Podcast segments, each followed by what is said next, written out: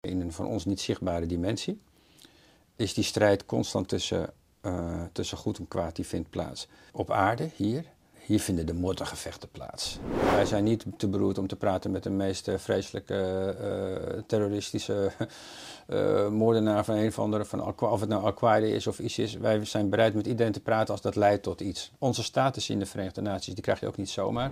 Hoe kunnen we dat onderscheiden? En hoe weten we dat we niet misschien stiekem ook onderdeel zijn van kwaad? Soms wel lastig, soms is het gewoon lekker om even iets anders te doen. Weet je wel, iets wat niet per se helemaal uh, past. Het bankensysteem is ook uitgevonden door de Tempeliers. Traveler check is uitgevonden door de Tempeliers. Ja.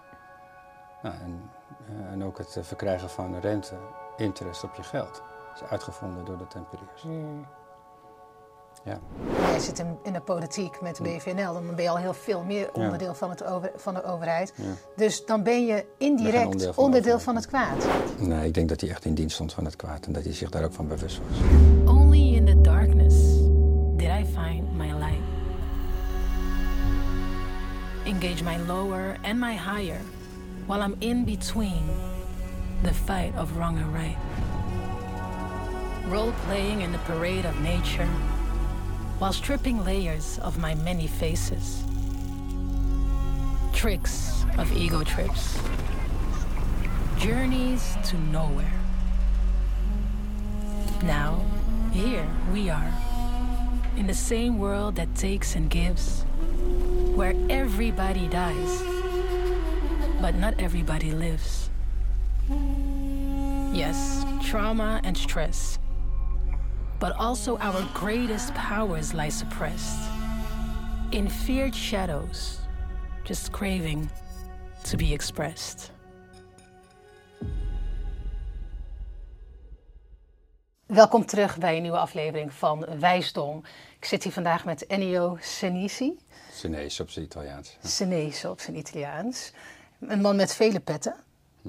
Ik weet ook niet of ik je nu neer moet zetten als politicus of als energieguru of als wijze man. Hoe zou jij jezelf omschrijven? Ja, ik vind het uh, een beetje uh, lastig om nu uh, één ding te duiden van de dingen die ik doe. Ik denk dat ik net als vele mensen een soort diamant ben met vele facetten. En je hebt een aantal facetten die ken je van mij. En nou, dit is een facet dat we eigenlijk nog niet op deze manier hebben, hebben belicht probeer ook dat eigenlijk in te brengen in hoe ik handel. Dat doe ik in mijn werk, maar dat doe ik ook in de politiek. Dus ik ben af en toe echt een verwonderd jongetje in uh, een soort van rare, rare wereld. Hè. Zo voel ik me ook af en toe. Waar ben ik nou terecht gekomen? Ja. Nou, dat, uh, dat, dat heb ik eigenlijk ook wel een beetje met die uh, politiek. Maar goed, ik ben nu toegetreden tot het bestuur van de, van de partij. Daar ben ik nu al een tijdje. Ik heb ook een portfolio waar ik dingen moet doen. En dingen die bereikt moeten worden. Nou, oké, okay, daar hoef ik nu niet per se op in te gaan, denk ik. Maar ik heb dus ook gekozen om gewoon in zo'n structuur uh, een bijdrage te leveren. Ja. Omdat ik denk dat als ik alles moet afwegen, um, dan heb je niet zoveel keuze. Om, hè, want dit is het systeem, dus ik zou eigenlijk dan in dit systeem zou ik mijn verandering uh, moeten proberen te bewerkstelligen. Ja, ja. ja, Ik, ben ook, ik ben nog steeds wel politiek dakloos, kan ik zeggen. Even Hm. om, om in jouw termen te praten. Heel lang heb ik niet gestemd. Uh, ik ben ook al heel lang het vertrouwen kwijt in de politiek. Ja, dat snap ik wel. Uh, ik, ik vind ook niet snel partij waarbij ik denk van... oh ja, dat sluit echt helemaal aan op, op wat ik denk en wat ik voel... en hoe ik het voor me zie. Um, dus ik merk dat, ja, dat ik dan eigenlijk ook een beetje wegbeweeg vanuit de politiek. Maar jij bent er juist ingestapt. En uh, ben nu ook aangesloten bij een partij waarvan je zegt... van ja, zelf, daar vind ik ook niet aansluiting op alle standpunten. Um, maar is dat dan de manier om, hè, om, om in dat vaste systeem, wat al nou ja, helemaal afgekaderd is, om dan daarin te stappen en de veranderingen proberen door te brengen die je in, in, in gedachten hebt? Gaat Ja. dat werken? Nou ja, eh, gaat het werken? Eh, dat weet ik niet. Eh, ik ben, ehm, ik vind wel, even als ik een stapje terugneem, hè. ik heb, ehm, ik heb altijd het idee, ja, sommige mensen zeggen, ja, dat is een afwijking. Eh, als ik daar, want ik praat er wel ook wel makkelijk over. Het idee dat ik in mijn laatste, stel je voor, ik word 96 jaar. Ja. En de laatste dag dat ik voelde, hè, het, het, het, is, het, gaat, eh, het gaat eindigen. En ik ben in mijn laatste uren. Stel je voor dat ik eh, op een vredige manier, eh, zonder alle ellende, dat ik, de, eh, dat ik eh, de, de ga zeggen. En ik lig op mijn sterfbed. Ja. En ik denk in mijn laatste uren van. Eh, die maatschappij was zo gegaan. En ik, heb- ik heb toen gedacht van zus of zo, of ik was er niet mee eens. En ik, maar ik heb er niks aan gedaan. Niks. Ik heb ook geen moeite gedaan. Ik heb, het niet, eh, ik heb geen moeite gedaan om daar een, eh, een verandering in aan te, te brengen. Ik heb me niet geroerd. Ik ben stilzwijgend met iedereen eh, meegehobbeld. En ik heb het laten gebeuren. Nou, dat zou ik een hele vervelende manier vinden om dood te gaan. Ja. Dus ik wil, dat, en dat is eigenlijk een van de belangrijkste redenen geweest. En dan doe ik een soort van, net als een consultant, reverse engineering. Dan ga ik terug van, nou oké, wat moet je dan doen om dat gevoel niet te hebben? Ja. Nou, dan ben ik vandaag, ik ben 62, hoop ik dit jaar te worden. Dan denk ik van, ja, ik moet wat doen. Nou, en ja, wat dan? Nou, oké, welke middelen zijn er? En dan eh, ga, je, eh, ga ik reduceren van, nou, dat zou er kunnen... Oké, de Franse revolutie, daar, eh, dat, dat zie ik ook op dit moment niet eh, echt, eh, echt zitten. Of een model of type Franse... We gaan met de hooivorken naar, naar, naar het Binnenhof.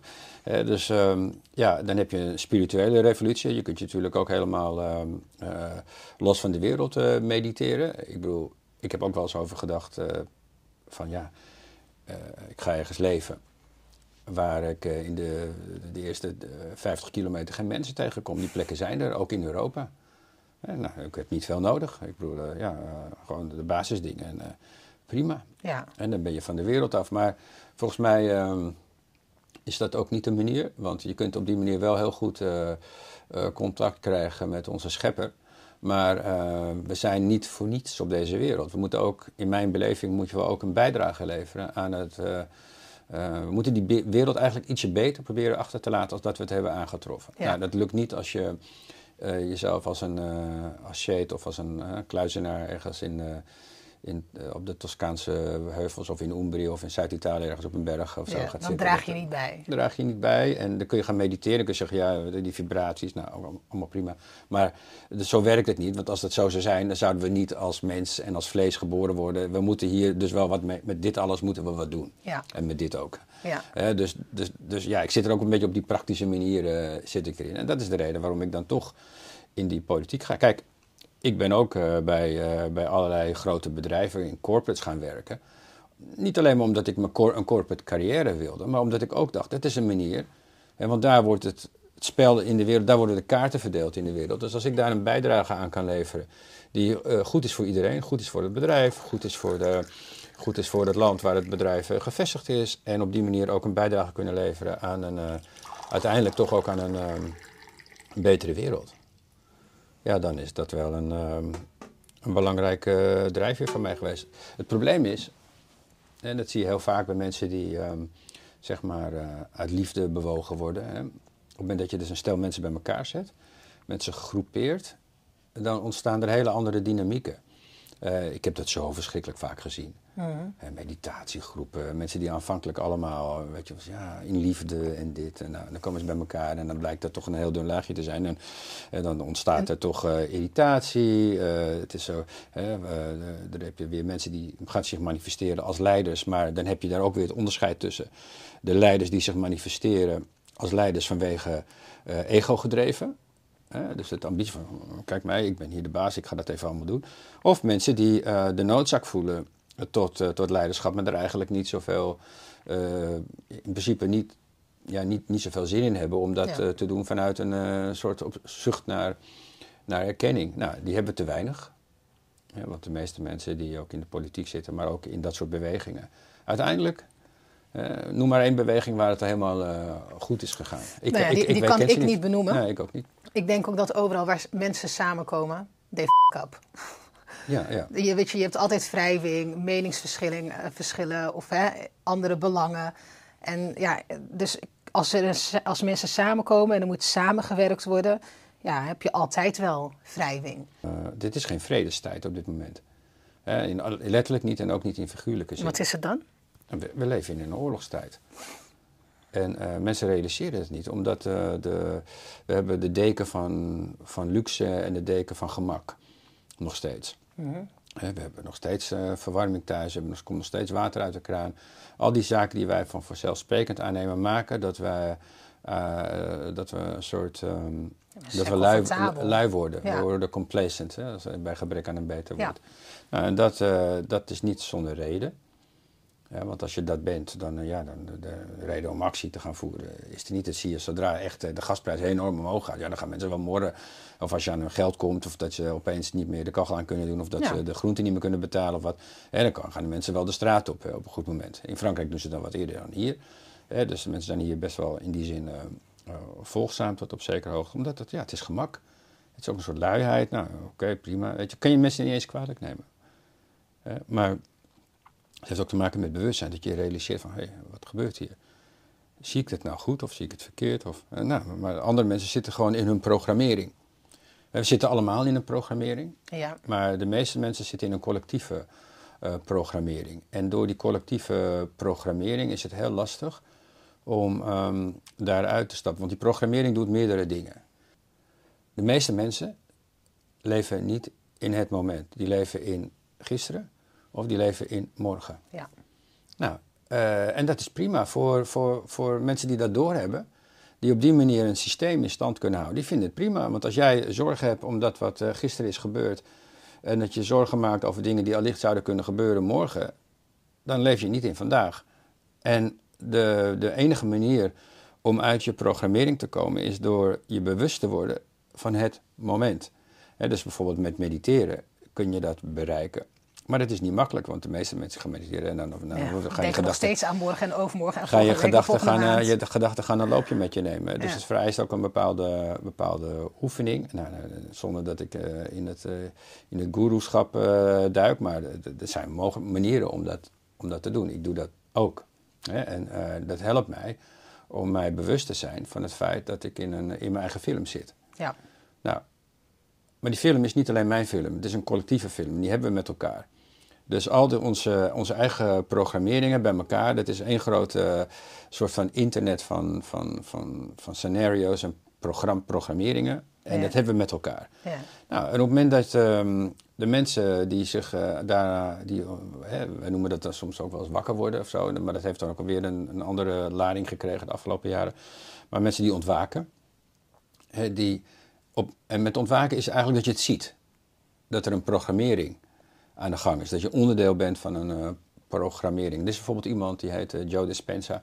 Ja. Die, eh, die zegt daar verschrikkelijk veel over. En, en ik ben het best wel ook met hem eens. Niet alleen maar intellectueel, maar ook gevoelsmatig. Zie ik ook wel dat dat zo is. Dat, dat we in zo'n programmering leven. En dus op het moment dat jij in het nu kan zijn, wat niet makkelijk is. En wij zijn dat nu omdat wij nu praten. ja hè? precies. Maar ehm, op het moment dat we het even niet zijn, als wij nu een minuut stil zouden zijn, dan zijn we Fuji. Zijn we, zitten we in de gisteren of vandaag of straks, we moeten moet nog dit of dat. Ja. Weet je? Nou, eh, het is dus belangrijk om in het, eh, om in het nu te zijn. Nou, en dat is eigenlijk het begin van een soort van initiatie, hè, van, een, eh, van een, een opening. Dat is eigenlijk het, de, de awakening. Hè? Het is helemaal niet een New Age ding of zo, maar het is gewoon een, het begin dat je op dat traject, dat je, hmm, ja, weet je, dat je bij jezelf afvraagt van, hé, hey, externe perspectief, dat klopt niet.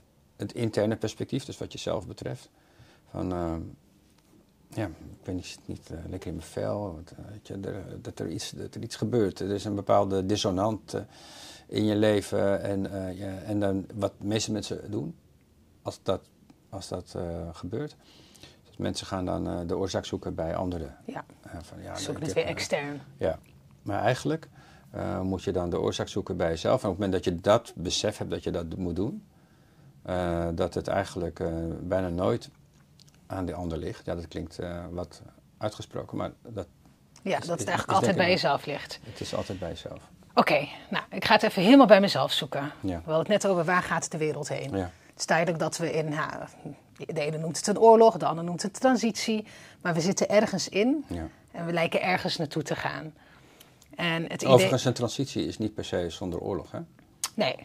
Dat, dat, dat- En ja. de oorlog heeft altijd een transitie met zich mee. Maar niet alle transities hoeven oorlog te hebben om tot een transitie te komen. Nee, en in dit geval zitten we wel in een transitie met oorlog. Ja, ja, Letterlijk en figuurlijk.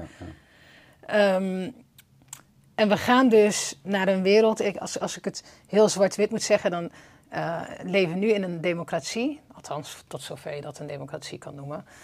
Maar we, we bewegen straks naar een, een, een wereld waarin uh, bijna alles elektrisch is.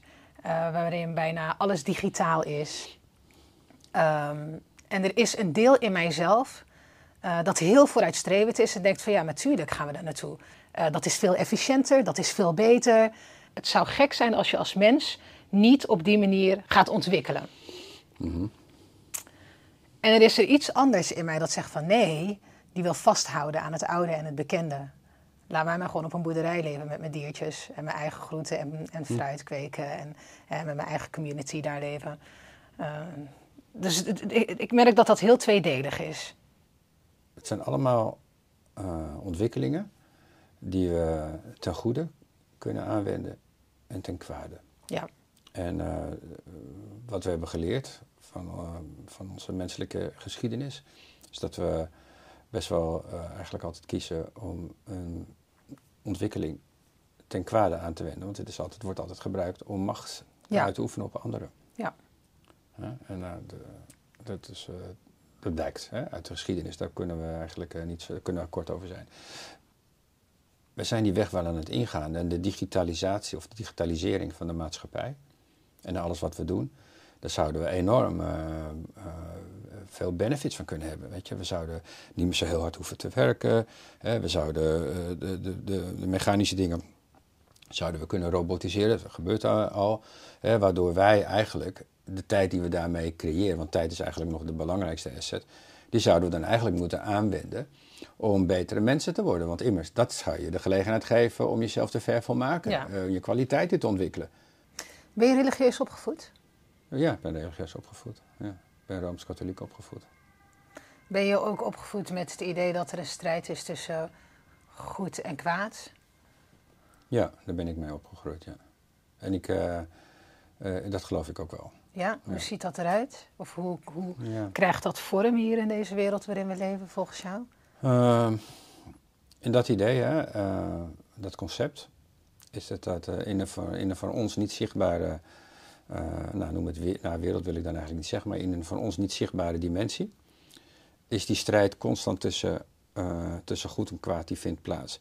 En um, op aarde, hier, hier vinden de moddergevechten plaats. De wat gevechten? De moddergevechten. moddergevechten hier ja. is het, hier heb je, hier, ja. hier, hier, hier, is het, uh, het, harde, het harde, hier manifesteert het zich.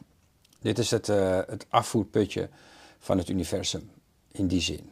En een afvoerputje klinkt niet heel erg fijn. Afvoerputje is het uh, fysieke theater van datgene wat zich op andere dimensies ontvouwt. Ja. En, dus als het hier heel heftig is, as below, so above. Ja. Dus wat, daar, waar zich, wat zich daar afspeelt, de, speelt zich hier ook af. De clash van de titanen. Ja. Good and evil. Ja. ja. En hier op aarde worden we dan heel erg uh, geagiteerd. En dan gaan we dreigen met atoomoorlog. En we gaan elkaar bestoken met bommen en granaten. We maken elkaar het leven zuur.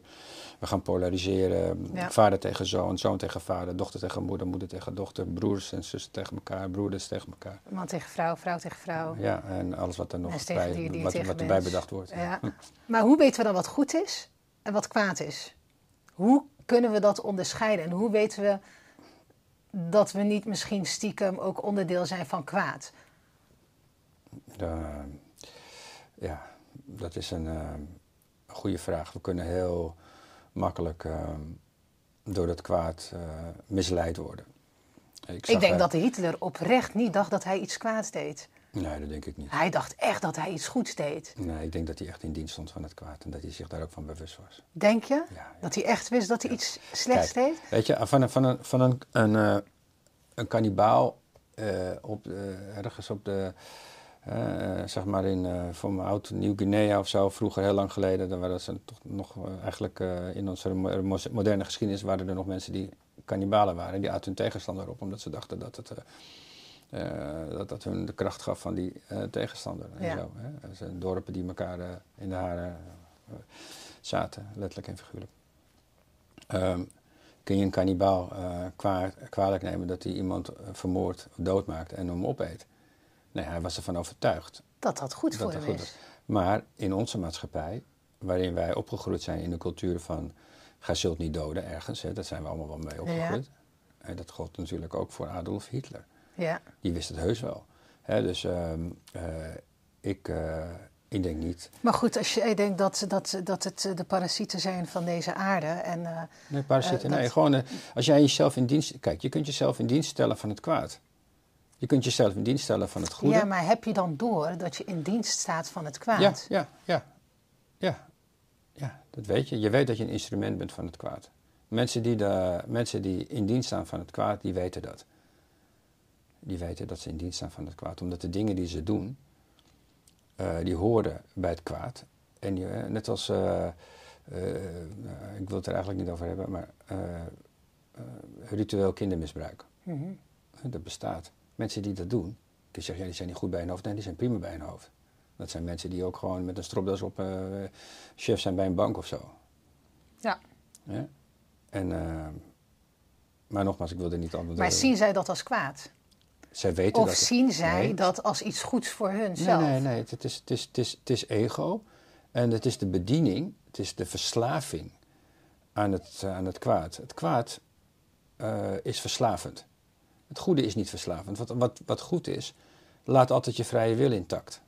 Maar het kwaad laat niet je vrije wil intact. Dus alles wat je vrije wil ondermijnt, is een onderdeel of een reflectie van het kwaad. Oké, nu komen we ergens. Alles wat jouw eigen wil of je vrije wil ondermijnt, is onderdeel van het kwaad. Ja. Dus onze overheid valt onder kwaad. Die is continu een vrijheid aan het ondermijnen. Ehm, de overheid als, eh, als entiteit is een, eh, denk ik wel een eh, onderdeel van het kwaad. Is een reflectie van het kwaad. Een reflectie van het kwaad. Punt is, die overheid die kan niet bestaan zonder mensen die die overheid bedienen. Nee, en dan kom ik dus op mijn punt. Soms ben je onderdeel van het kwaad zonder dat je het doorhebt. Ja. Want Ehm, ik bedoel, de overheid. Ik bedoel, we zijn allemaal onderdeel van de overheid. Jij zit in, in de politiek met BVNL, dan ben je al heel veel meer Ja. onderdeel van, het over, van de overheid. Ja. Dus dan ben je indirect onderdeel van het kwaad. nee, nee, kijk, zo is het niet helemaal. Want kijk, een, eh, eh, een overheid aan zich. eh, ik vind het op zich wel goed dat er een overheid is. Ja, ik ook. In heel veel opzichten vind ik het heel goed dat er een maar overheid ik, is. Persoonlijk ben ik, nou, dat is ook de reden waarom ik bij BVNL ben. We zijn voor een kleine overheid. Eh, een kleine overheid die dienend is. Kleine kwaad. Nee, maar nee, want, nee, want ik, ik, ben er niet, ben, ik ben niet van mening dat de overheid eh, als zodanig eh, het kwaad is. Maar het is een instrument dat heel makkelijk tot het kwaad kan worden geactiveerd. Dat hebben we gezien in het verleden. Je haalde zelf Adolf Hitler. Nou, dan zie je hoe een, hoe een systeem kan toelaten dat het wordt overgenomen. Er wordt een koep gepleegd door dat kwaad. Nou, op dit moment zitten we ook in zo'n fase hè, dat er een, een koep gepleegd gaat worden. We zitten in een koeppoging van het kwaad. Het is nog niet gelukt. We zijn er nog niet. Er zijn wel allerlei, het is geïnfecteerd, maar het is nog niet, eh, de koep is nog niet geslaagd. Want het, het is nog niet, nog, niet, nog niet klaar. Mhm. En het gaat ook niet gebeuren, by the way, trouwens. Jij vroeg eerder aan mij van, denk je, waar gaat dit heen? En nu weet ik, ik weet met 100% stelligheid, dat gaat niet gebeuren. We gaan niet in zo'n in zo'n situatie terechtkomen. Het gaat gewoon niet gebeuren. Uiteindelijk ehm, gaat dat... Als je eh, zegt in zo'n situatie, waar doe je dan op? Wat bedoel je dan in zo'n situatie? nou ja, jij, eh, jij gaf ehm, ehm, de, de, de, de, de koeppoging van het kwaad. Mhm. eh, om de burgers, om ons mensen, ons vrije mensen, met ons God gegeven recht om vrij te zijn, een soeverein recht om vrij te zijn, dat wij, eh, dat recht wordt ons ontnomen. Dus een koepoging aan de gang door het kwaad, die maakt dat dat wat ons door God is gegeven, wordt afgenomen. Ja. En God, de schepper, creator, wij zijn de reflectie van onze schepper met vrije wil. En dat wordt ons nu afgenomen. En dat wordt ons afgenomen niet door de overheid. De overheid is een instrument waarop, een, waarop het kwaad de koep pleegt. En vervolgens is die overheid het instrument om dat eh, aan ons op te leggen. En er zitten exponenten in. eh, mensen die al dan niet bewust een bijdrage leveren aan het, eh, aan het kwaad. Als ik chauffeur ben, eh, of nou, ik piloot ben van een vliegtuig van een atoombom. En ik weet niet dat er een atoombom is. Ja, oké, dat, is, eh, dat is niet reëel. Maar in hoeverre ben ik dan mede verantwoordelijk als ik het niet weet? Kijk, dat, wat je niet weet, kun je niet uh, aangerekend worden. Dat staat Mhm. eigenlijk ook in de Bijbel. Hè? Ik, Ja. ik weet niet of je het verhaal kent van uh, dat Jezus het heeft over de kinderen en zo. Nou, uh, dat wordt ook wel weer, tegenwoordig wordt er ook wel grappig over gedaan. Maar over die, met kinderen bedoelt Jezus niet kinderen. Ja. Hij bedoelt gewoon onwetenden. Kun je, kun je mensen dingen kwalijk nemen als mensen onwetend zijn? Nee, dan kun je ze eigenlijk niet kwalijk nemen. Nee. Maar wat je dan moet doen is mededogen hebben. Uh, liefde tonen, begrip tonen voor hun uh, onwetendheid en hun helpen om uit die onwetendheid uh, te komen. Nou, je hebt dus ook mensen in politieke partijen die zijn onwetend en denken inderdaad, zoals jij eerder aangaf, dat zij het goede doen. Maar binnen hun, hun eigen activiteitencirkel is dat wat ze doen niet, niet slecht aan zich, maar daar waar ze aan bijdragen, het, grotere, het grotere werk, dat hebben ze dan niet, uh, niet door. Ik bedoel, zo heeft uh, Nazi-Duitsland een hele machine opgezet van mensen die dat niet door hadden. Ja. Omdat ze allemaal een radartje waren in een, in een, in een klokwerk wat uh, uiteindelijk vernietigend heeft uitgewerkt. Voor, voor, en pas later, ja, in hindsight gaat men dat, dat zien. Maar op het moment dat jij, en dan kom ik weer bij het bewustzijnsniveau. Als jouw bewustzijnsniveau van die aard is dat je... Uh, dat, het, uh, zeg maar, dat, dat het kompas goed werkt, dan zie je dat soort dingen wel. Uh, dan, dan, word je niet lid van deze, D66. En kijk, zo, zo iemand als een, nou, ik noem maar wat, ik kan het ook wel zo zeggen, zo'n Sjoerd Sjoerdsma. Die weet donders goed wel dat hij, dat hij, dat hij kwaadaardig is. Want ja, je gaat niet uh, polariserende teksten roepen over Taiwan en Rusland en iedereen maar in de oorlog stuurt, terwijl je zelf nog nooit een krant hebt rondgebracht of wat, je, bij wijze van spreken, uh, je doet dat. Weet je, dat, dat, en dat is een beetje, het, een beetje zoals zo'n Ja, overheid. weet hij dat? Misschien weet hij dat niet. Ik zie ook wel eens mensen Nee, dingen het is, verkondigen. het is het fanatisme. Het is het fanatisme. Op het moment dat jij aansluiting hebt. En het is ook ego, hè, want op het moment dat jij constant in de belangstelling staat en je wordt aangedreven, eh, je wordt gewaardeerd door, door je eigen bubbel, je groep mensen die om je heen zijn, die vinden dat fantastisch dat jij op die manier manifesteert en je wordt eh, vooruitgeduwd Ja. op die manier, dan vaart je ego daar eh, wel bij. Het is ook heel Ja. vaak zo dat mensen als ze, als ze al oud worden en terugkijken op hun leven, dan ergens, ergens in de tachtig met een, met een soort van seniele blik zeggen van ja, dat had ik toch wel anders moeten doen. Hoe vaak horen we dat niet? Terwijl ze in het, hun actieve leven eigenlijk eh, soms wel eens misdadige beslissingen hebben genomen ten opzichte van, van anderen. Ja, weet je, en dan is het wel makkelijk als je oud bent en kunt reflecteren. Ja, dat had ik wel anders moeten doen. Ja, dank je de koekoek. Mhm. Eh, het gaat erom eh, dat je dat nu doet en dat je ook tijdig tot inkeer komt. Nou, ja, zo kijk ik ernaar. Dus een overheid is per definitie niet een, eh, niet een, ehm, een exponent van het kwaad. Maar als die koep slaagt, is dat wel zo. Nou, dat was in Nazi-Duitsland zo. Dat zijn in allerlei vreemde regimes. Dat was onder Stalin zo in Rusland. Het is niet alleen maar met de fascisten. Het was ook met, eh, met, eh, met de communisten was dat zo. Hè. De- Het bestuur van, met Pol Pot in Cambodja. Hè, dat werd een regime van het kwaad. Eh, en zo zijn er wel genoeg voorbeelden te noemen waar dat vandaag de dag nog steeds zo gebeurt. Dus het kwaad is volgens jou de kracht die de vrije wil van de mens ondermijnt. Ja, En het kwaad werkt door verschillende mensen, organisaties of Ja. systemen heen. Het, het, het gevecht daar, daar, daar, ik noem het even daarboven, maar dat is niet per se daarboven, maar Nee. op een andere dimensie. Ja. Eh, ik noem het altijd het gevecht van de titanen. Ja, want uiteindelijk zijn we allemaal, alles wat er is in het universum, hè, is een, ehm, is een eh, schepping van de, van de schepper. En die schepper die heeft iets willen eh, creëren met eh, het zelfbeschikkingsrecht ja. voor, de, voor zijn creatie. Maar alleen het, de creatie is hem ehm, is, is niet altijd even dankbaar geweest. En die hebben zich ook afgescheiden. Weet je, je kent het verhaal van Lucifer, Ja. eh, wat op zich de lichtbrenger e- engel was. Ehm, alles wat neigt naar een, een, een verslavende werking in dingen waar je niet buiten kan. eh, eh, dat wat je drijft en wat niet eh, per se eh, ehm, zo ingericht is om jezelf het gevoel van gelukzaligheid te geven. En maar geluk, geluk kan ook een onderdeel zijn van een effect zijn van kwaad. Het is ook, kan ook een, zijn een kortstondig moment Mhm. van, ja, oh, Ja. Hè, nou lekker of zo. Hè? Nou, dat kun je krijgen door fles whisky leeg te drinken, of misschien wat minder, of een, een goede joint te roken, of een shot te nemen, of een pilletje of zo. Weet je, nou, dat, eh, nou, ik wil niet zeggen dat dat, eh, ik wil niet direct dat benoemen als, eh, als kwaad of zo, daar gaat het niet om. Maar het gaat erom op het moment dat dingen dus ehm, jou in een bepaalde verslaving duwen, een bepaalde afhankelijkheid van iets wat niet, wat niet jijzelf bent. Ja. En wat ook niet meer tot je vrije wil behoort. Op het moment dat je vrije wil los is, ja. dat je geen beheersing meer hebt, dan is dat eigenlijk een exponent van het kwaad. En dan, eh, om het even in figuurlijke zin uh, voor te stellen, dan zit er ergens iemand met een, met een rode staart. En dit, die, die zit zo. Ja, dus wanneer jij zelf niet het vermogen hebt, of de kracht hebt in jezelf, om voor jouw vrije wil te kiezen, voor jouw geluk te kiezen, ja. dan ben je dus eigenlijk beïnvloed of werkt het kwaad door je heen. Ja, maar op, precies. Ja. Die heeft dan op dat moment controle. Want jij kan geen controle meer nemen over jezelf of over je gedachten of over wat je wil. Ja.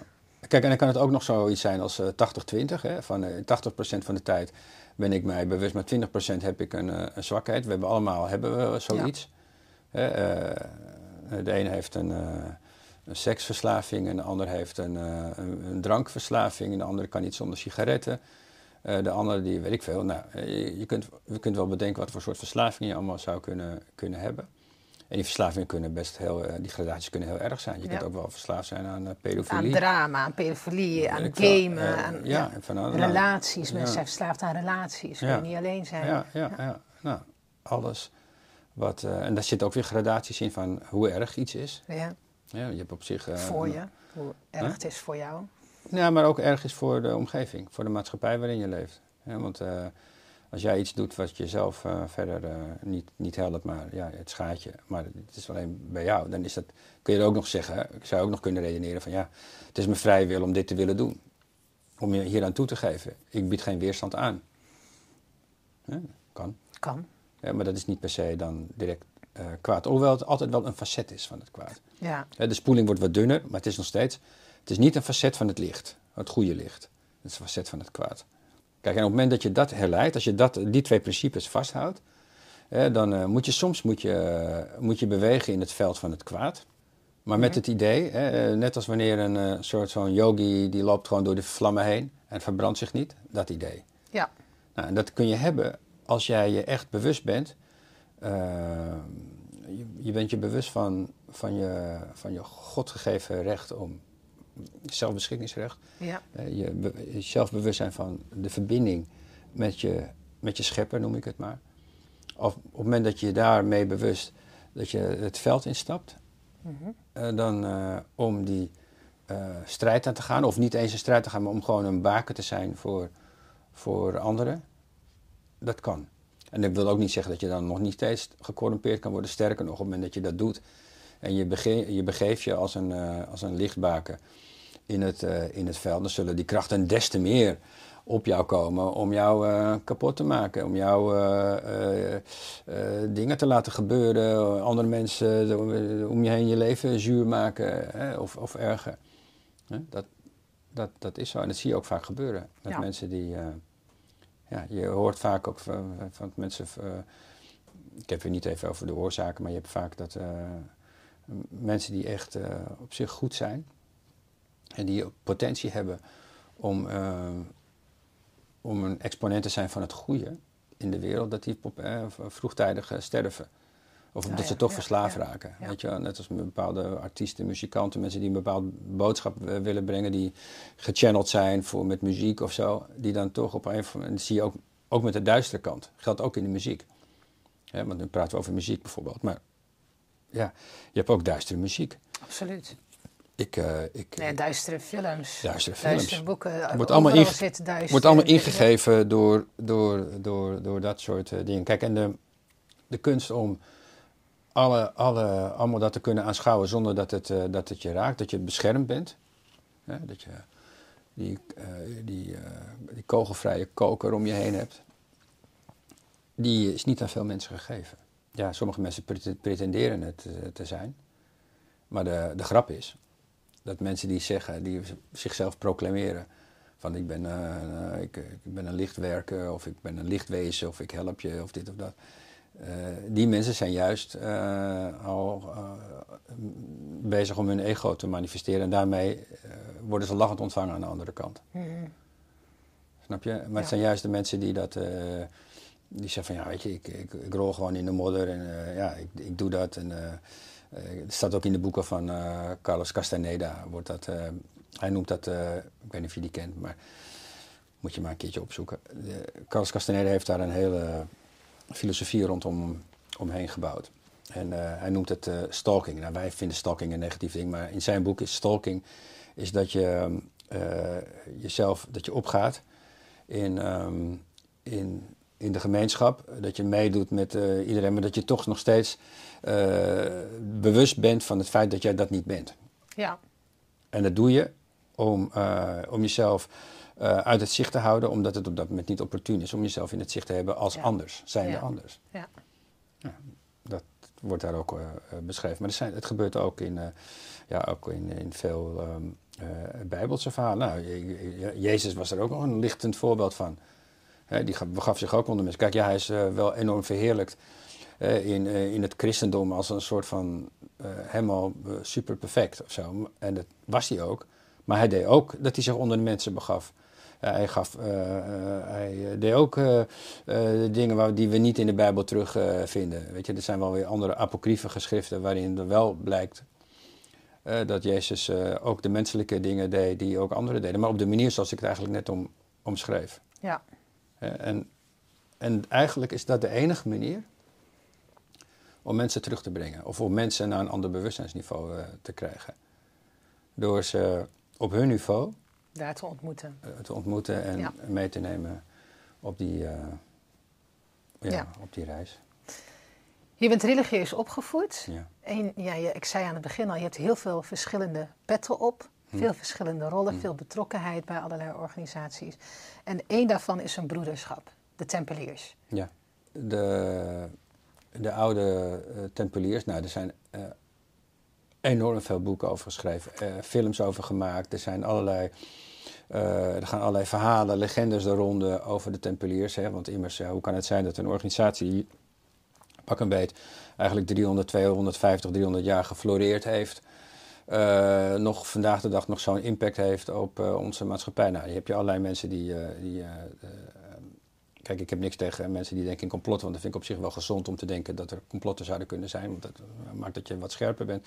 Maar dat kun je ook door, te ver Ja. doorvoeren. nou, dit idee dat de tempeliers ehm, achter de wereldmachten zitten en aan de touwtjes trekken, nou, ik kan uit eigen hand kan ik zeggen dat dat niet het, niet het geval is. Ah, jammer. Ja, nee, het is niet, eh, dat is niet zo. Het is wel zo dat de, tempeliers, eh, de echte tempeliersorganisatie, en dat is eh, de tempeliersorganisatie die gewoon heel, heel wereldlijk ook erkend is door de Verenigde Naties. Het is gewoon een, democratische organisatie met een gekozen bestuur, met een gekozen grootmeester, terwijl in de oudheid was dat niet zo. In de gro- de grootmeester werd altijd gekozen. Maar ja, die ging pas weer weg als die eh, omgekomen was in de strijd of stierf. Mhm. En dan werd hij vervangen. En dan hebben we in de middeleeuwen hebben veel grootmeesters gehad. Omdat die, ja, die stierven in, in battle. Weet je, dat was altijd eh, twee, drie jaar, tien jaar soms. eh, dan stierven ze in battle. En dat is ook wat, wat, wat jullie destijds in elk geval kenmerkte, toch? Dat, dat, ehm, dat je, het waren niet alleen ridders, maar ook monniken. Ja, het was, een, eh, het is was en is een, eh, eh, religieuze eh, orde. Kijk, en bij religie hoort ook spiritualiteit. Dus dat, zit, dat is een, voor sommigen van ons niet een onbelangrijk element. Ja, religie is georganiseerde spiritualiteit, als je het mij vraagt. Ja, maar op het moment, ook daar geldt weer, als de organisatiegraad dusdanig hoog is, dan is de spiritualiteit weg, omdat spiritualiteit ook weer een element kent van, eh, van vrije wil. Ja, absoluut. Dus dat, ja, dat is lastig. Maar wat doen je dan? Ook, dus je zit bij zo'n groep. Wat, wat doen jullie? Wat ja. houdt je bezig? Want Nou ja, ik weet, je zei het net al, mensen hebben complotten en hè, die hebben er allerlei beelden over. En ja, verlicht ons. Nou, eh, kijk, in, in wereldlijke zin, wat we doen is dat wij ontelbare projecten doen, variëren van eh, waterbronnen creëren in landen waar te weinig water is. Eh, gewoon humanitaire projecten, heel veel humanitaire projecten. Eh, dat is eigenlijk een, altijd een belangrijk onderdeel van ons, eh, van ons werk. In de oudheid was de orde een orde die te vuur en te zwaard naar buiten trok. om bepaalde dingen te verdedigen. Ja. tegenwoordig zijn we niet meer te vuur en te zwaard, maar we, zijn, we zeggen graag van onszelf dat we bruggenbouwers zijn. We proberen bruggen te bouwen. Dus mensen met elkaar uh, in contact laten komen. Zolang mensen praten, vechten ze niet. Mhm. Dus we proberen bruggen te bouwen tussen, in eerste instantie tussen de uh, Abrahamistische geloven, uh, christendom, islam en Jodendom. Jodendom. dat is één. Het tweede is, is dat wij onze oorsprong vinden. We zijn een ecumenische orde in die zin dat wij niet, we zijn niet katholiek alleen of alleen orthodox of alleen protestant. We zijn ecumenisch, dus alle denominaties, zoals dat er heet, die in het christendom voorkomen die allemaal ontsproten zijn uit het uh, oerchristendom.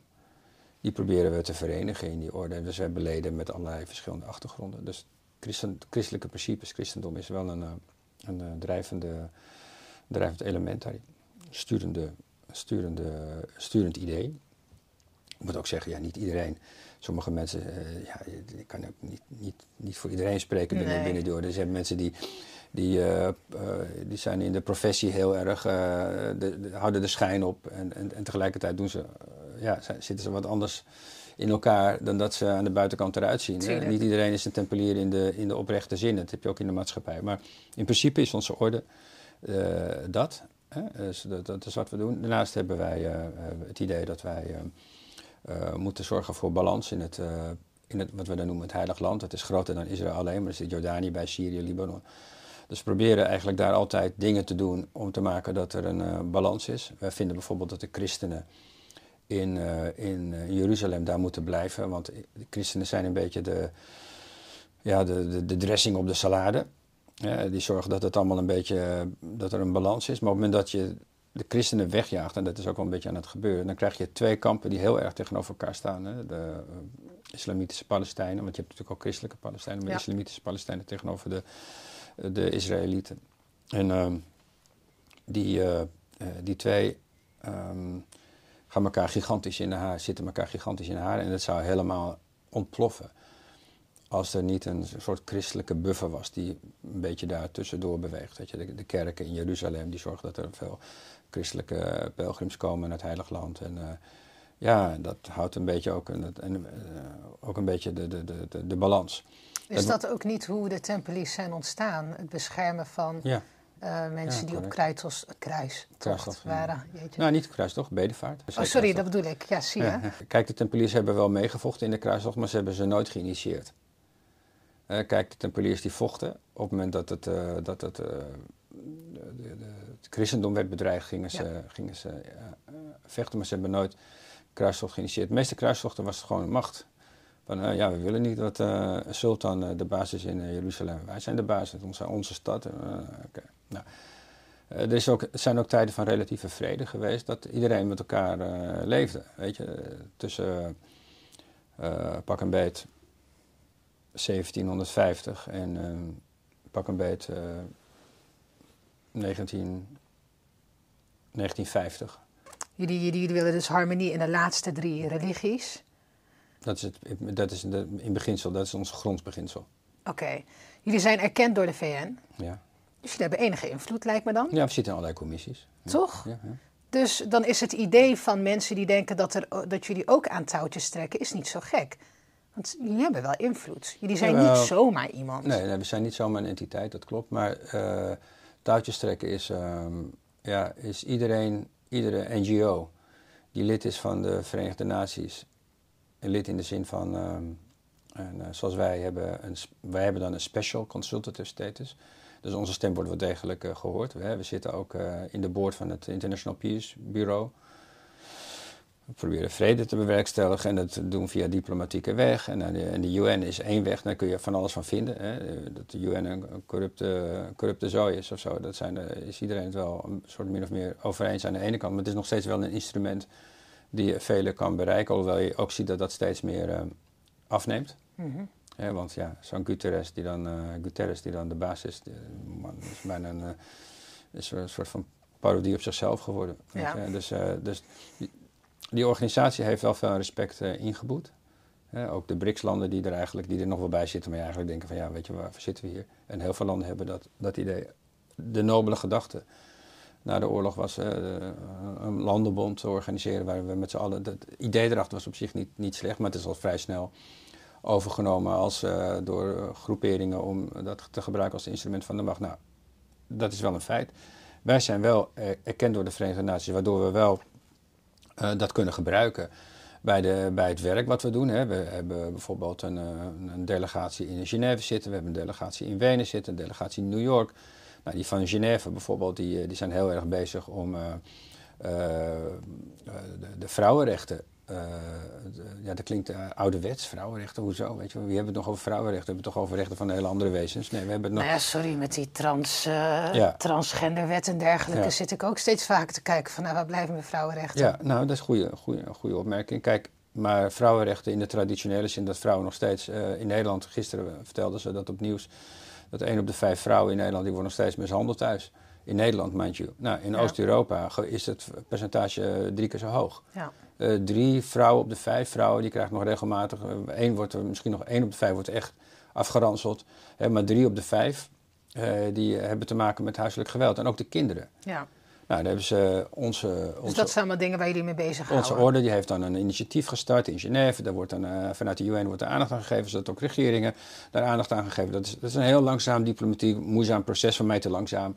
Maar goed, dat zijn dingen die we, die we doen. Maar daarna hebben we ook ad hoc dingen. Uh, de, uh, mensen worden gegijzeld in, een, um, in Irak. Nou, en dan, vanwege onze eeuwenoude reputatie worden sommigen van ons gevraagd om daar een bemiddelende rol in te spelen. Omdat wij ook, wij zijn niet te beroerd om te praten met de meest vreselijke terroristische moordenaar van een of andere, van, of het nou Al-Qaeda is of ISIS. Wij zijn bereid met iedereen te praten als dat leidt tot iets. Ja. ja. Weet je, dus en dat is bij iedereen wel, wel, wel erkend. Onze status in de Verenigde Naties, die krijg je ook niet zomaar. Als er één lid is van de Verenigde één land is in de wereld die een veto zou uitspreken, dan zouden wij dat niet, uh, zouden wij die status niet hebben. Dat betekent dus dat alle landen, ik weet, 196 landen of hoeveel landen het zijn, die vinden dat oké okay, dat wij er zijn. Dus ook de streng islamitische landen, ook Iran, ook, uh, ook uh, Saudi-Arabië, weet je, allemaal landen die zeggen, ja, hoezo, tempeliers. nou, toch zijn wij door hun allemaal worden we erkend als een entiteit die uh, durft boven partijen te staan. Dat is niet altijd even handig. Hè, want ja, nu ook met het Rusland-Oekraïne-conflict uh, proberen wij uh, op de achtergrond proberen wij toch mensen in gesprek te krijgen, vredesgesprekken te, te initiëren. Nou, dat ja. geeft ook bij onze leden geeft dat, problemen, want die vinden ja, je moet tegen Rusland zijn, je moet voor ja. Oekraïne zijn. Nou, wij zijn niet, wij ehm, wij zien wel de, de slechtigheid van de partij. niet voor of tegen Rusland, voor We kunnen niet op zijn die voor we zijn, we zijn voor vrede. Ja. En dat is, het, dat is het belangrijkste. En proberen dat ook uh, heel erg uh, te antimeren bij, uh, bij, bij partijen. Niet, dat, niet dat het altijd succesvol is. Het is best heel lastig. Oké, okay, dus ook met jouw broederschap bij de Tempeliers ben je vooral bezig met politieke en economische zaken? Als als nou, ja, kijk, als je, het helemaal, als je het echt helemaal plat wil slaan, dan is dat een, een belangrijke component. Maar daarnaast hebben we, niet onbelangrijk, hebben we ook een groep van ons, hè, een klein, kleinere groep, ik wil niet zeggen dat een kern, maar een kleinere groep van ons die uh, veel spiritueler, uh, ik zou bijna zeggen veel um, meditatiever naar de wereld kijkt. Ja, want ik, dat is het beeld wat ik erbij heb van een broederschap. Ik heb altijd de indruk dat, uh, dat die genootschappen um, hele waardevolle kennis um, bezitten mm en die beschermen. Ja, dat is ook wel een beetje zo. Dan heb ik het over esoterische spiritualiteit. Ja. Ja, dat, uh, dat is wel ook zo. Ja. ja, daar ga ik ook niks over vertellen. Nee, maar... Ja. of wel? Nou ja, kijk, ik, ik bedoel, uh, wat kun je daarover vertellen? Kijk, er is, uh, een bepaalde, er is een bepaalde kennis. En in sommige, op sommige terreinen ook een bepaald geloof. Hè? Want immers, um, als wij kennis definiëren als de wetenschappelijke kennis, zoals we dat in onze wetenschap en op de ons, onze universiteiten uh, onderrichten, dan is dan misschien dat wat wij beschouwen als kennis niet per se ook uh, daadwerkelijke kennis uh, is. Wauw, je last me daar nog een keer? Nog een keer? Op universiteiten, ja. vandaag de dag, en op scholen en onderwijs, En ook in de maatschappij, hè, wetenschap. Hè. Ja. Ja, ehm, wetenschap is het, eh, de, de, de, de eigenschap van het weten, Ja. Kennis. Mhm. Maar in de definitie van wetenschap moet het aan allerlei criteria voldoen. Nou, eh, En in de wetenschap van de Tempeliers? de- niet per se. Daar hebben we ook wetenschap die overdrachtelijk is. Wetenschap die, of kennis die je kunt eh, ervaren als je diep genoeg gaat. Eh, kennis die je, inzichten die je krijgt door, ehm, door meditatie. Inzichten die je krijgt door, ehm, door eh, jezelf te bekwamen in het eh, ehm, uitoefenen van bepaalde energieën. Ehm, inzichten die overgeleverd zijn door oude eh, kabbalisten in de oudheid. Ja. Inzichten die zijn overgedragen, die ook een maatschappelijke waarde hebben. Weet je wel. Helaas is het bankensysteem is ook uitgevonden door de Tempeliers. Waarom helaas? Ja, omdat het geen goed heeft gebracht. Oké. Ja, dat was de eerste bank, hè? Ja. Het, eh, de, de traveler check is uitgevonden door de Tempeliers. Ja. Nou, en, eh, en ook het eh, verkrijgen van rente, interest op je geld, is uitgevonden door de Tempeliers. Hmm. Ik weet niet, ik ben niet, eh, daar ben ik nou niet zo, eh, zo van ons te boven dat dat daar op die manier gebeurt. Nee. Ja, want het zet een extra, een extra bloedzuiger op het systeem. Want ja, je betaalt iets, energie. Je moet extra energie genereren om eh, iets te betalen aan iemand die er eigenlijk niks voor doet, maar omdat hij bezit heeft. Ik ga even in op de complottheorieën, want Ja. ik, ik Ja, ja. Kan, kan het niet laten om dat niet te benoemen als ik hier iemand heb die van de Tempeliers is en dus bij een genootschap zit. En al 40 jaar lang eh lid is. In de 40 jaar lang. Oké, hoe zit het met offers? Offers, wat voor offers? You tell me, als ik spiritualiteit zie, dan kan ik niet om offers heen. Nee. Ik bedoel, ik ben islamitisch opgevoed, dat is ook spiritualiteit, is religie. Eén keer per jaar doen we aan offers. Oké, wij offeren dan schapen, maar het is een, een, off, een, een offerritueel. Nee, wij hebben, in die zin hebben wij geen, eh, geen offers. We wijken niet af van, de, van het christendom in dat opzicht. Hè. De offers die wij brengen zijn we zelf. Wij offeren onszelf op. In de zin van dat wij onszelf eh, opofferen. Dat was de, in de oudheid was dat zo. Wij offeren onszelf op in, de- in de strijd als het moet. Eh, we offeren onszelf op voor anderen. We hebben ook in ons, eh, eh, noem het maar, het eh, inwijdingsritueel. dat, eh, we hebben dan een soort, iets wat dan opleest, het heet eh, Regula Moderna. Daar lezen we in op wat, wat ons allemaal te wachten staat. Waar we ons allemaal voor, eh, voor moeten inzetten. Dat is niet gering. Dat is best een groot offer. En op een gegeven moment, als mensen in het begin wel lid worden, dan is het vaak, oké, ja, dan krijgen ze een mooi certificaat. Dus in het begin is het allemaal een beetje aan de voorkant.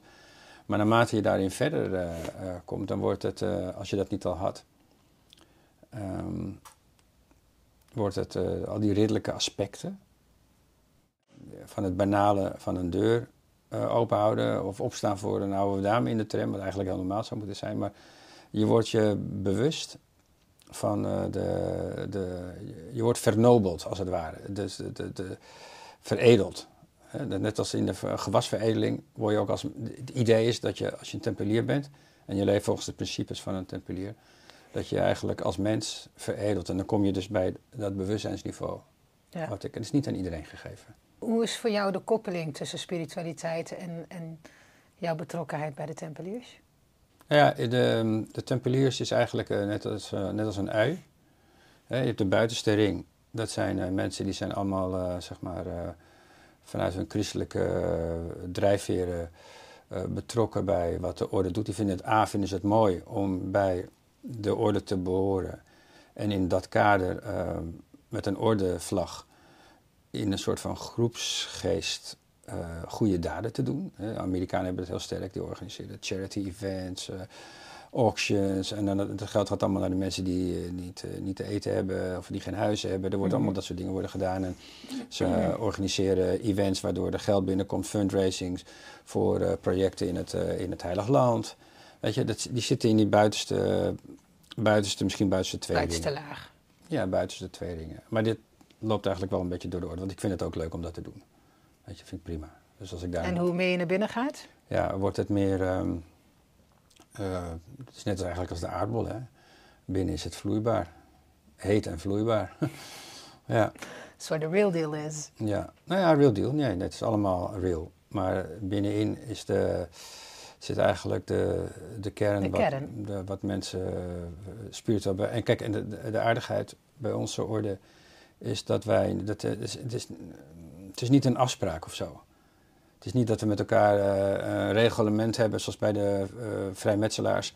Dat je gradaties doorkomt en vervolgens naarmate je gradaties van initiatie verder komt, ben je op een gegeven moment 33 graad. En dan, dat heet toevallig dan ook, tenminste toevallig, dat heet dan ook tempelier. Hè, op een gegeven moment dat je die graad hebt bereikt, dat je dan een soort van staat van verlichting hebt bereikt. Dat doen we niet aan, omdat dat geloven we niet. Je bent het, of je bent het niet. En je kan het worden. Ja. Maar dat is niet omdat wij je door een initiatieproces heen leiden. Het is een bewustzijnsproces wat je zelf meemaakt, uh, door louter je in. zelf erin gaat. Ja, en vervolgens hebben wij wel met elkaar, het, uh, wereldwijd, uh, als we mensen tegenkomen, zijn we daarin dusdanig geoefend, of men is dusdanig daarin geoefend, om het niet op mezelf te betrekken, Ja. dat men, men, binnen de orde elkaar herkent op bepaalde uh, zeg maar, niveaus waarop men beweegt. Ja. En wat voor mensen zitten er dan bij de orde? Waar moet ik dan aan denken? Ja, sinds 1995 hebben we ook vrouwen bij de orde, dat was eerst niet. Vroeger was dat inderdaad Nee. niet. En um, we hebben mensen, dat wat iedereen bindt, is dat iedereen vanuit het christelijke, met een, een christelijke achtergrond bij de orde uh, komt. Maar zijn er dus geen mensen van islamitische achtergrond of joodse achtergrond binnen de orde? Niet uh, als uh, ordelid, maar wel als fellow. We hebben bijvoorbeeld mensen uit Pakistan die heel veel bij hebben gedragen aan de vrede.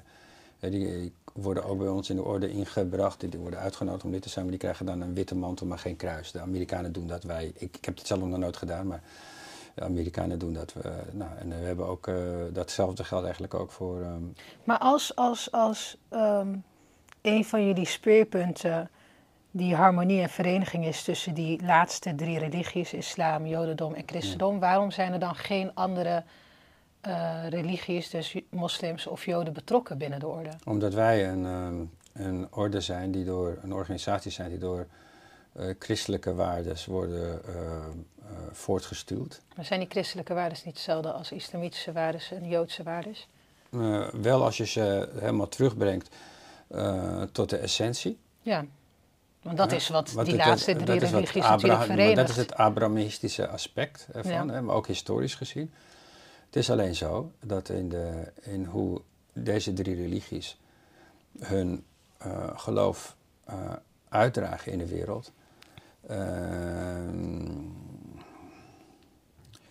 niet allemaal meer, zich niet meer tot elkaar kunnen verhouden in hoe het uitgedragen wordt vaak. Weet je, ik bedoel, eh, ja.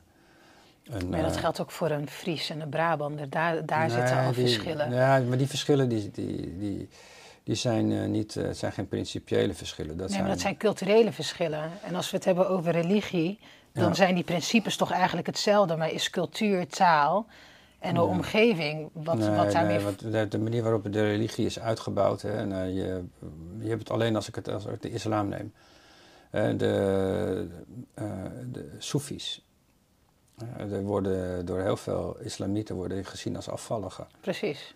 Ja, en nou, ehm, wij binnen het christendom, we zijn niet een stroming binnen het christendom, want we hebben van alles. Maar ehm, ja, wij als organisatie worden ook wel een beetje gezien als een soort van afvallige. Waarom? Omdat wij met iedereen praten. Wij praten dus ook met afvalligen. Ja, Weet je? En, en de kern van ons, eh, zeg maar vanuit spiritualiteit en van esoterie, eh, is het esot- esoterische kennis gedreven. Die hebben een veel grotere band met eh, het soefisme ja. en met Kabbalah, met, met de kabbalisten in het Jodendom, dan met die buitenste schil, eh, schil Ja, van, van, van ons. En dat geldt eigenlijk ook binnen die andere religies. Waarom? Omdat eh, eh, zowel de kabbalisten, zowel de Soefies, zowel de tempeliers, de kern van deze groepen, hebben niet het, die staan elkaar niet na het leven, hè. die streven andere, andere dingen na. ja. En die harmonie die, die, die, die zij nastreven, die is voor deze drie, is dat gelijk. Maar zodra je dat naar die buitenste schillen toe brengt, dan krijg je de, het, het, het, het polariseren, het, het hard geworden vastbijten in een, in een overtuiging. En, daar niet, en in die overtuiging is geen ruimte voor, voor, voor anderen. En dat vind je in de islam, in het, bij, bij, de joden vind je die onverdraagzaamheid, maar ook bij de christenen vind je die onverdraagzaamheid. Ja. En wij proberen juist als, als hele orde, maar nog veel meer vanuit een spiritueel, esoterisch perspectief, proberen wij die band te hebben met, met anderen, om dat op die manier ook, uh, ook uh, te promoten. En wij, wij, herkennen elkaar ook. dus ik ken, uh, ik ken nou wel. Die iedereen. herkenning zou je toch ook kunnen hebben met een Soefi? Ja, die heb ik ook met de Soefi. Ja. En de Soefis zijn de nazaten van de zogenaamde assassins, waar je ook allerlei filmpjes over hebt en Ja. zo.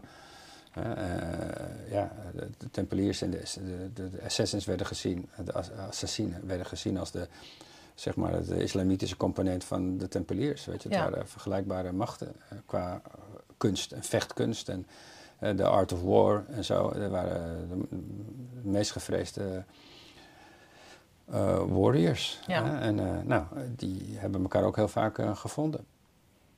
Ja, dus die broederschappen leven ook wel een beetje een soort van quasi-clandestien met elkaar. En dat heeft ook uiteindelijk de, de orde de das omgedaan hè? in 1307. Franse koning, ja, die had... die wilde niet over geschiedenis praten. Klopt, maar je mag wel afmaken. Nou ja, kijk, uh, de, uh, het idee, de, het openstaan van de orde voor, uh, voor andere dingen die niet pasten in het, in, het, in het christelijke narratief, ook best wel heel herkenbaar met deze tijd. En daarom vind ik Tempeliers ook wel iets moois in deze tijd. Alleen door veel Tempeliers wordt het niet als zodanig gezien, maar destijds was het heersende narratief was zwaar christelijk. het katholieke geloof was het heersende narratief en alles wat daar in, in die doctrine, want dat was het, is op een gegeven moment geschreven door mensen met allemaal regeltjes en dingetjes die erbij hoorden, dingen die er niet bij hoorden. De aarde was plat en niet rond en, uh, enzovoort, enzovoort.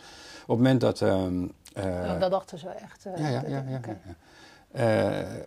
En op het moment dat, in de middeleeuwen dacht men dat zeker, tot aan, eigenlijk tot aan Magelhaans was dat, was dat eigenlijk het idee. Nou, er waren wel anderen die hadden ontdekt dat het niet zo was, maar die werden de mond gesnoerd en die Ja. werden een kopje kleiner gemaakt op de brandstapel, want die waren ketters. nou, Tempeliers eigenlijk hetzelfde lot vergaan. Door de openheid naar andere dingen, door ook de medicijnleer en de hygiëneleer van, van, de, van de oude Kabbalahmeesters en van de, van de islamieten. Want in Arabische landen was de hygiëne standaard was veel hoger dan in het noorden en in het westen van. Europa. Dat hebben ze ook overgenomen, het, het zich moesten wassen, je kleren wisselen, reinheid. Uh, wat werd, werd, werd, gezien als een van de belangrijkste principes. Nou ja, ik kan je vertellen, in de middeleeuwen, uh, de, de, christenen waren nou niet echt het toppunt van, van reinheid, in ieder geval Ja. lichamelijke reinheid. Dus uh, dat brachten ze in, maar ook de, de, de, de chirurgische kunst, hè, het, de artsenij, zeg maar, Ja. van die tijd. Daar hebben ze heel veel over, van het werken met kruiden en zo. Maar dat werd Ja. al snel gezien als hekserij en dingen en zo. Maar dat, werd, eh, dat hebben ze ook eh, overgenomen van... eh, Dat hebben ze geïntegreerd in de orde. in in hun, ja, in, hun, eh, in, de, in de vroegere eh, orde. Nou, allemaal dat soort dingen. eh, mediteren, weet je, het gebed. ja. Het gebed als zodanig is in feite een meditatie. En het is niet een kwestie van dat je laat zien aan anderen hoe vroom je bent en je zit daar. en Nee, het gaat erom dat je eh, op dat moment, jij bent op, op een heilige plek en je hebt eh, Ja. de verbinding. Dat Nou, je echt dat- die verbinding maakt. en dat is door die duizend jaar is dat niet, eh, niet veranderd. Dat is nog steeds zo. Ja, dat is er nog steeds. Dat staat centraal. En jullie proberen dat ook centraal te stellen.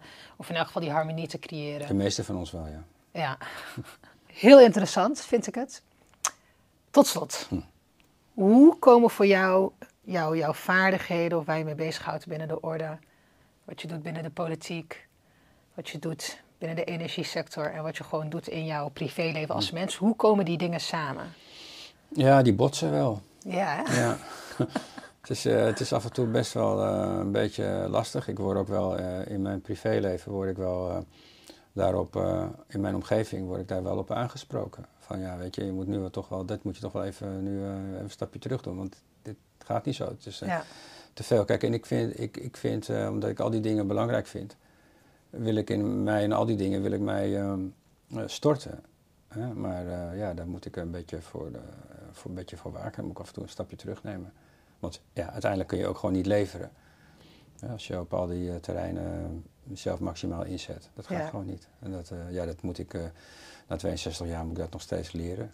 dus, dus het is lastig, maar ehm, de, de, de, de common ground, hè, de, de, de gemeenschappelijke factor, is dat de, alle, al mijn kennis die ik heb, die wordt allemaal op verschillende manieren en verschillende facetten wordt toegepast in al die, al die gebieden. He, dus mijn maatschappelijke kennis, mijn vakkennis, mijn vakinhoudelijke kennis van, van energie, van consultancy, van bedrijfsleven en zo, die gebruik ik ook in politiek, maar ook in mijn, in mijn werk. Uh, maar er zit ook een, wel degelijk een, um, een spiritueel component in, hè, want de, de, manier waarop ik met mensen omga wordt niet ingegeven door, door winstbejag, nee. bijvoorbeeld de manier waarop ik met mensen omga wordt gegeven, ingegeven door, door broederlijkheid. Uh, door mijn welwillendheid naar mensen toe om te zorgen dat we met elkaar in een soort van harmonie komen. Mijn, mijn, mijn ik heb een soort van zucht naar, uh, naar harmonie en naar vrede. En, en ik beweeg ook daarin. En soms moet ik daarin bewegen op een polarisering. Soms moet ik boos worden of zo. Hè? En, nou, dat gebeurt dan ook wel. Maar meestal probeer ik teams te creëren, mensen samen te laten functioneren, mensen hun maximale uh, hit range te kunnen laten, laten bereiken door ja, ja, coachend leiderschap. Hè, maar ja, dat. Maar door ze daar naartoe ja. begeleiden. Ja, maar dan vanuit een, uh, ja, maar de drijfveren bij mij zijn, um, zijn uit die principes die ik je eigenlijk net heb geprobeerd uiteen te zetten. Ja, harmonie. Harmonie, maar het principe vanuit bewustzijns, mm -hmm. bewustzijn, mensen. En dan uiteindelijk de warrior, hè, de tempelier, die kun je plaatsen in, um, in die strijd tussen uh, goed en kwaad. Want die staat dan, probeert dan aan de goede kant te staan. En af en toe vervuilt hij zich ook. Hè? Doet ook dingen en af en toe uh, hakt hij de verkeerde de, kop ja, maar dat gebeurt. dat gebeurt bij mij ook. En, en die fouten die ik maak, ja, die, die, worden mij veel zwaarder aangerekend dan anderen. Ja. En dat merk ik ook. Ja ik krijg altijd bij mij, uh, mijn schepper, onze schepper, houdt, houdt bij mij heeft een lik op stuk beleid. Die houdt wat? Een lik op stuk beleid. Dus ik, uh, als ik in de fout ga, dan krijg ik echt, uh, echt gigantisch op mijn flikker. Ja, dat is ook wel een, een, beetje hoe ik het zie. Ik zie het leven een beetje als een pendulum. Hmm. Wat gewoon de hele tijd heen en weer gaat. En ja. zo hard als dat je het goede probeert te doen en in het licht gaat, hmm. zo diep ga je ook in het duister. Ja, dat, uh, dat, dat, is, dat, dat ja, dat is houdt elkaar in stand. Ja, maar het, het, punt is, hoe meer je weet, hoe minder ruimte je hebt om uh, je in het kwaad te bewegen. En dat is soms wel eens lastig, soms is het gewoon lekker om even iets anders te doen. Weet je wel, iets wat niet per se helemaal uh, past of zo. Wat ik anders te doen. je bent ja. ook gewoon mensen, je wil ervaren, toch? Ja, ik wil ervaren, maar, weet je, maar dan de, de, die complexiteit van dat je dan wordt ingegeven door, door, het, door het kwaad, dat is een, uh, wel een lastige. Kan je een voorbeeld noemen?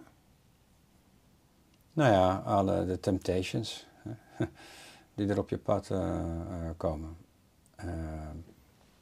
dat kan zijn, ja, het kan met drank te maken hebben, het kan met drugs te maken hebben, het kan met een middelvinger opsteken te maken hebben op de snelweg, als iets relatief onschuldig of zo. Het, kan, kan, het heeft te maken met het doen van dingen die je eigenlijk niet zou moeten doen, waarvan je weet dat je het niet moet doen. Ja, dat je eigenlijk weet van eigenlijk zou ik dit niet moeten doen. Ja. is niet goed voor mij of voor de ander, maar... Ja. Nou, of gewoon, het is gewoon niet goed. Je moet dit niet doen en toch doe je. Toch ja. Ja. We blijven mens. dus dat is iets waar we allemaal mee te maken mhm. hebben. Iedereen in zijn eigen capaciteit. Ja. Maar um, ja, ik, uh, ik denk dat het goed is als je dat in elk geval erkent in jezelf. Want ik denk dat iedereen dat heeft. Iedereen heeft twee ja, maar, kanten. Maar ik, ik, weet, ik weet het precies. Ja. Ik weet het precies. En, uh, en, en omdat ik het precies weet, uh, is het, het universum, rekent mij dat gewoon wel ook wat zwaarder af. Weet je? Nou, ik heb ben altijd nog het idee, ik heb liever dat er nu wordt afgerekend dan later. Mm -hmm.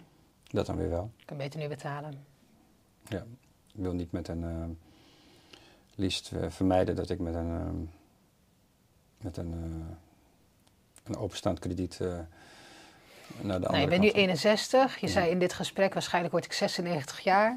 Dus dan heb je nog een jaartje of 35. Ja, ja, ja, Om de schuld in te lossen en alles vrij te maken.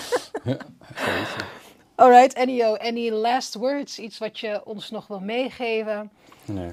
Ja, laatste woorden. Wat, nou ja, kijk, ik, ik hoop dat we nog een keer, sowieso, dat we nog een keertje eh, een verdieping zouden kunnen doen. Ik vind het wel, ik denk dat het zinvol is. Want ik zit hier eigenlijk ook niet voor mezelf of zo eigenlijk. Hè. Ik zit hier... Ik, ik Ben je weer dienstbaar aan het opstellen? Ja, ja. Maar ik denk dat mens- mensen er misschien iets aan hebben. Maar de, de belangrijkste ehm, boodschap is naar anderen, maar ook naar mezelf. Want ik hoor het mezelf nu ook weer zeggen.